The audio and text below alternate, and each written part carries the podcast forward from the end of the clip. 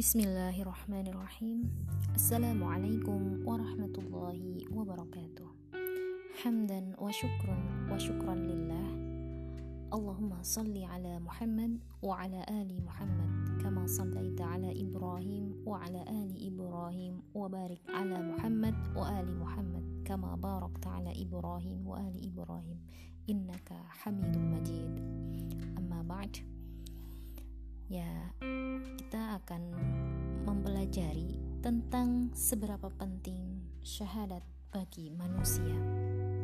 Sudahkah kita beriman? Ya. Dalam rukun Islam ya, yang pertama adalah syahadat. Mengapa demikian? Karena syahadat itu memiliki kedudukan yang jauh lebih penting dibandingkan rukun Islam yang lainnya. Tanpa mengucap syahadat, seseorang itu tidak dapat melaksanakan keempat rukun Islam lainnya.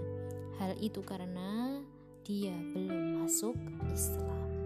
Jadi, dengan bersyahadat itu akan menjadikan manusia menjadi seorang muslim.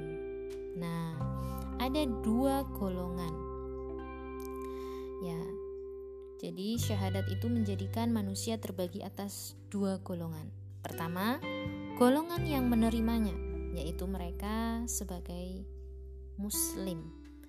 Sedangkan golongan kedua adalah golongan yang menolaknya atau tidak menerimanya. Merekalah golongan yang disebut sebagai kafir. Oleh karena itu, syahadat adalah kalimat yang akan mengubah seseorang dari kafir menjadi muslim.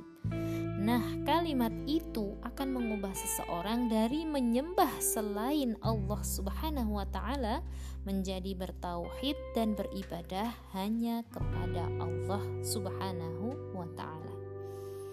Karena sifatnya yang mengubah keimanan seseorang, maka syahadat itu mampu melahirkan peradaban yang mulia. Pada zaman Rasulullah Shallallahu alaihi wasallam, Melalui pemahaman dan pelaksanaan syahadat, orang bodoh berubah menjadi pandai. Oleh karena itu, di masyarakat lahir dan tumbuh orang-orang yang pandai. Orang kafir yang menjadi beriman itu sehingga masyarakat dipenuhi orang beriman. Ahli maksiat juga berubah menjadi ahli ibadah, sehingga keseharian masyarakat penuh dengan ibadah. Pada akhirnya, dalam lingkup yang lebih besar, maka muncullah kota Madinah yang penuh kemuliaan dan kehormatan. Jadi ini ya amazing Islam amazingnya itu seseorang yang ingin menjadi seorang muslim itu hanya cukup dengan mengucapkan kalimat syahadat asyhadu alla ilaha illallah wa ashadu anna Muhammadan Rasulullah. Nah, ini ada sebuah kisah yang berjudul Seruan Rasulullah Sallallahu Alaihi Wasallam di Bukit Sofa. Dalam hadis riwayat Al-Bukhari diceritakan bahwa setelah berdakwah secara sir atau sembunyi-sembunyi, kaum muslim mulai berdakwah secara terang-terangan. Suatu hari, Rasulullah Shallallahu Alaihi Wasallam mendaki Bukit Sofa. Saat itu Bukit Sofa itu sering digunakan orang untuk mengabarkan berita, terutama berita penting. Sesampainya di puncak Bukit Sofa, Rasulullah Shallallahu Alaihi Wasallam menyeru orang-orang dengan suara yang lantang. Hai kaum Quraisy, berkumpullah sekarang, seru Rasulullah Shallallahu Alaihi Wasallam. Mendengar seruan Rasulullah Sallallahu Alaihi Wasallam, orang-orang Quraisy pun datang berkumpul. Jika aku katakan bahwa ada sepasukan berkuda di balik bukit ini yang akan menyerang kalian, apakah kalian akan percaya? Tanya Rasulullah Sallallahu Alaihi Wasallam dengan lantang. Orang-orang Quraisy pun mempercayai apa yang dikatakan Rasulullah Sallallahu Alaihi Wasallam mereka tahu bahwa keponakan Abu Talib itu terkenal jujur. Aku peringatkan kepada kalian bahwa siksa Allah yang dahsyat akan datang. Seru Rasulullah Sallallahu Alaihi Wasallam kembali. Oh, rupanya yang dikatakan Muhammad membuat geram Abu Lahab. Padahal dia merupakan paman Rasulullah Sallallahu Alaihi Wasallam. Hei, celakalah engkau Muhammad. Apakah hanya untuk ini engkau kumpulkan kami? Teriak Abu Lahab marah. Sejak saat itu Abu Lahab selalu mencela dan memfitnah Rasulullah Sallallahu Alaihi Wasallam. Ke mana pun Rasulullah Sallallahu Alaihi Wasallam pergi, dia selalu menebarkan fitnah.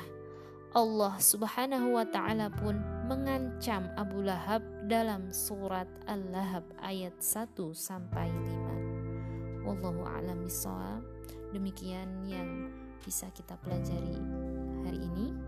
Billahi taufik wal hidayah. Wassalamualaikum warahmatullahi wabarakatuh.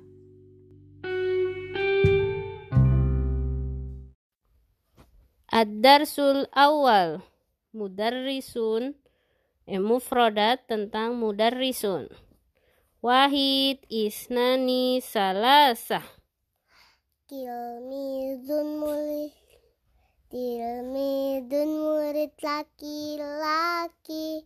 Kilmidat Tilmi Tilmidatun murid perempuan.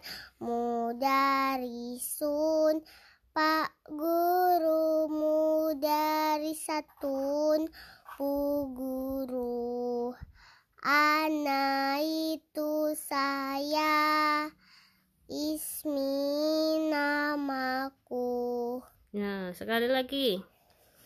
Tilmidun murid laki-laki, tilmidatun murid perempuan, mudarisun, pak guru mudarisatun